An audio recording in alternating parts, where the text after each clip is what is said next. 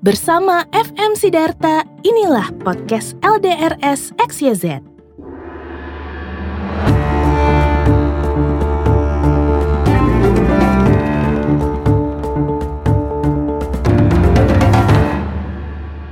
Majalah Time bulan Mei 2020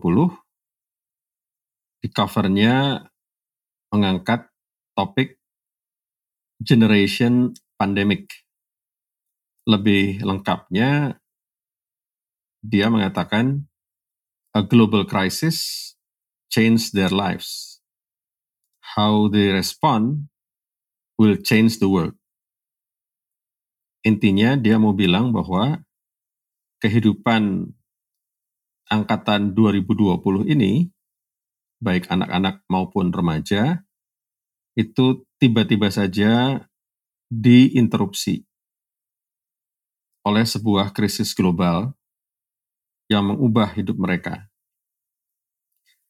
Bagaimana generasi ini atau angkatan 2020 ini yang disebut sebagai generasi pandemik akan mengubah dunia. Ada yang bilang, sungguh malang nasib angkatan 2020 ini, yang mereka adalah bagian dari Gen Z, ya, Gen Z, ya, mereka-mereka yang lahir tahun 2000 atau saat ini mereka berusia 20 tahun. Atau mungkin juga sebagian adalah milenial, milenial di ujung-ujung, mereka-mereka yang lahir mungkin setelah tahun 95 ke atas sampai dengan 2000. Mengapa dikatakan sebagai malang atau sial? Karena angkatan 2020 ini adalah angkatan yang setelah hampir setahun bersiap-siap, akhirnya mereka bisa lulus sekolah tanpa harus mengikuti ujian nasional yang sebenarnya baru direncanakan dihapus di 2021.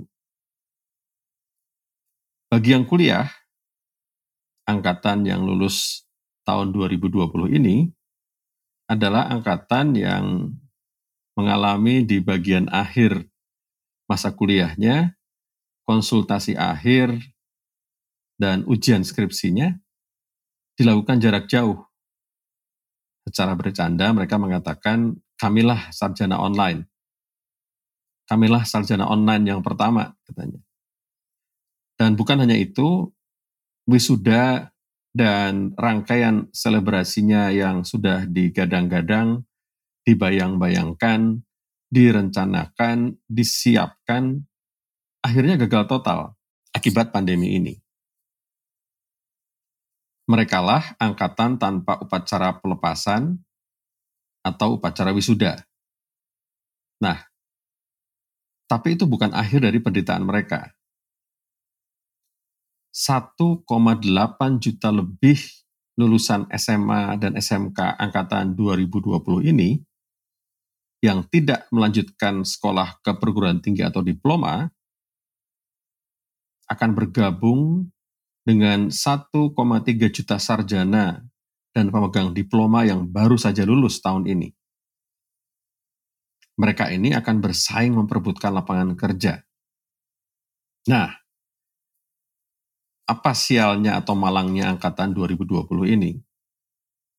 Pada waktu mereka lulus SMA SMK atau lulus sebagai sarjana pemegang diploma, total hampir ada 3 juta orang ini di Indonesia, mereka mendapatkan kabar buruk. Sebagai akibat pandemi ini, sampai 20 April 2020, Kementerian Tenaga Kerja mencatat sudah ada hampir 85 ribu perusahaan yang merumahkan atau bahkan sampai mem-PHK karyawannya. Dan tercatat sudah lebih dari satu setengah juta pekerja yang terkena PHK. Kadin sendiri menyatakan skenario, ter, skenario terburuknya bila pandemi ini berlanjut diperkirakan bisa sampai 15 juta pekerja yang dapat terkena PHK. Jadi sah dong kalau kita katakan bahwa Gen Z ini atau angkatan 2020 ini adalah angkatan yang paling menderita. Eh, tapi tunggu dulu.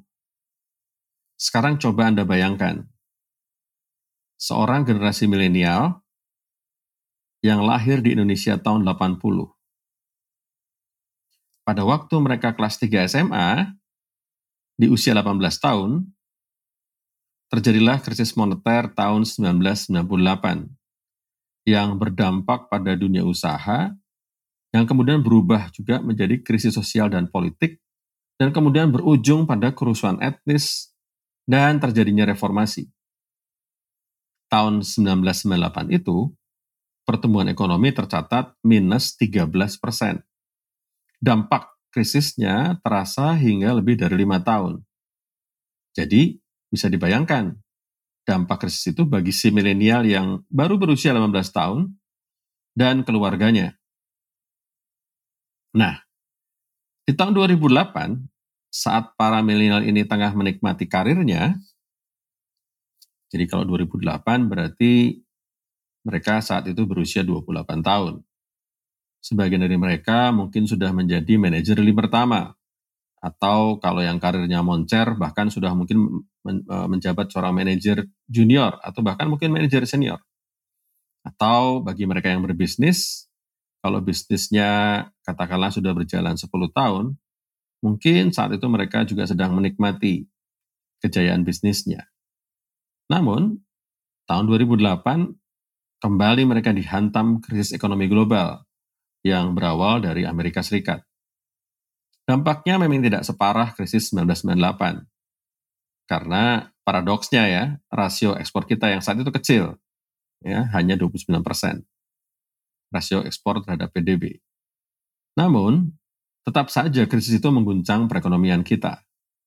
Saat itu diperkirakan ada sekitar 200 ribu tenaga kerja yang di PHK. Belum lagi 1,2 juta TKI kita di Malaysia yang terancam dipulangkan karena lapangan pekerjaan di sana akan difokuskan bagi tenaga kerja lokal. Nah, masih belum selesai. Milenial-milenial ini yang lahir tahun 80-an, saat ini mereka mungkin sedang meniti menuju puncak karir dan bisnisnya. Dan saat yang sama mereka harus masih membiayai anak-anaknya yang masih menempuh studi di sekolah menengah. Nah, di tahun ini mereka dihantam krisis akibat pandemi COVID-19 pertumbuhan ekonomi melambat. Kuartal pertama ini diperkirakan kita hanya tumbuh 2,9 persen. Jadi bisa dibayangkan kontraksi yang terjadi terhadap perekonomian kita. Sebagian dari milenial itu harus terkena PHK atau dirumahkan. Atau bahkan mungkin bisnisnya terancam gulung tikar. Jadi, lebih menderita mana? Milenial atau gensi? angkatan yang lahir tahun 80 atau angkatan yang lahir tahun tahun 2000? Apakah mereka apakah lebih menderita angkatan yang lulus tahun 2008 atau lebih menderita mereka yang lulus tahun 2020? Hmm.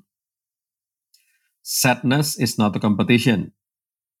Kata-kata itu selalu muncul di panggung uh, penyanyi favorit saya saat ini, Hindia. Ya, di panggungnya uh, ada slide yang menjadi latar belakang konsernya dan di sana tertulis sadness is not a competition. Saya setuju. Daripada kita berlomba mengadu kesedihan atau penderitaan atau membandingkan penderitaan angkatan ini dibandingkan dengan angkatan sebelumnya, menurut saya lebih baik kita ikuti apa kata Hindia juga. Evaluasi. Pertanyaannya, apa yang harus dievaluasi? Menurut saya, daripada kita terkungkung atau bersedih berlama-lama, sebaiknya kita sekarang sudah mulai mengevaluasi tiga hal. Yang pertama, kita evaluasi apakah kita cukup punya curiosity atau rasa curiga. Curiga pada apa? curiga pada tren yang berseliweran di depan mata kita. Sinyal-sinyal lemah atau weak signals dari perubahan besar, perubahan besar yang mungkin akan terjadi di masa akan datang yang tidak terlalu lama. Curiga pada perubahan satu derajat yang bila dibiarkan akan membuat kapalnya menyimpang makin jauh dari tujuan semula. Dan saat ini di sekitar kita ada banyak sinyal-sinyal. Misalnya, Cambridge, salah satu universitas tertua dan terkenal di dunia, sudah mengatakan bahwa kuliah tatap muka dihentikan sampai dengan musim panas tahun depan. Artinya sampai dengan 2021 tidak ada kuliah tatap muka. Apa dampaknya?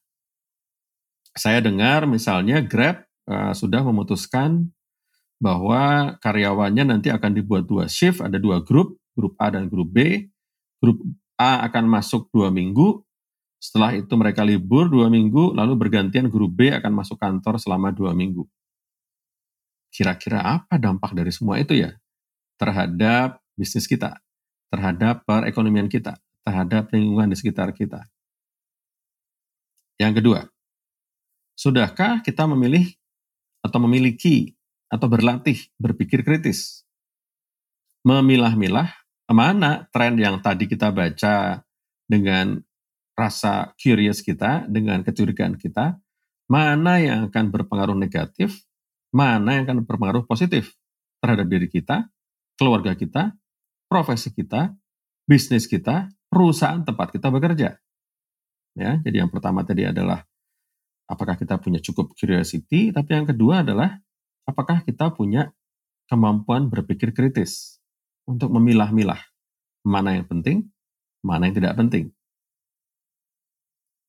Yang ketiga, yang harus kita evaluasi adalah apakah kita sudah cukup punya visi, kita cukup punya kreativitas untuk mulai bereksperimentasi dengan menciptakan skenario-skenario yang berdasarkan pada hal-hal yang sudah kita pilah-pilah tadi apa yang mungkin terjadi di masa yang depan yang tidak terlalu lama ini. Mencoba untuk menyibak kabut ketidakpastian dengan mengubah pola pikir kita dari apa yang bisa dikerjakan menjadi apa yang harus dilakukan. Termasuk di dalamnya belajar hal-hal baru yang mungkin akan dibutuhkan di situasi normal yang berikutnya, atau the next normal. Bagi para pemimpin dan pemilik bisnis, berlaku juga hal yang sama. Ini saatnya memilih siapa anggota timnya yang layak berada di sana saat normal berikutnya datang, atau mungkin mereka harus mulai merekrut tenaga-tenaga baru dengan keterampilan baru yang saat ini belum dimiliki oleh perusahaan. Intinya, waktu-waktu ini bukan waktunya untuk merenungi kesedihan, kesialan, kemalangan. Ini waktunya untuk mengambil tindakan.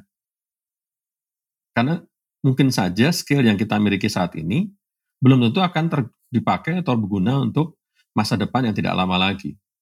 Begitu PSBB dilonggarkan atau bahkan mungkin dicabut, kita akan memasuki suasana baru. Saat ini kita sedang mengalami situasi new normal.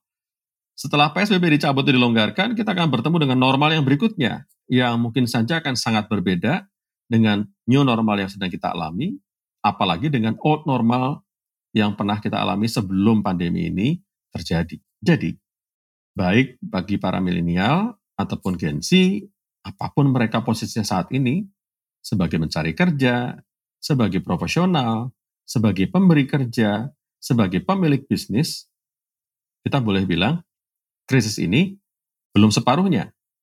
Biasa saja. Kita tak apa. Ayo, bilas muka, gosok gigi, evaluasi. Podcast LDRS XYZ diproduksi oleh monkeymelody.com dan dipersembahkan oleh Kumara. Temukan informasi tentang board game, podcast, webinar, dan artikel tentang leadership dan followership melalui website ldrs.xyz.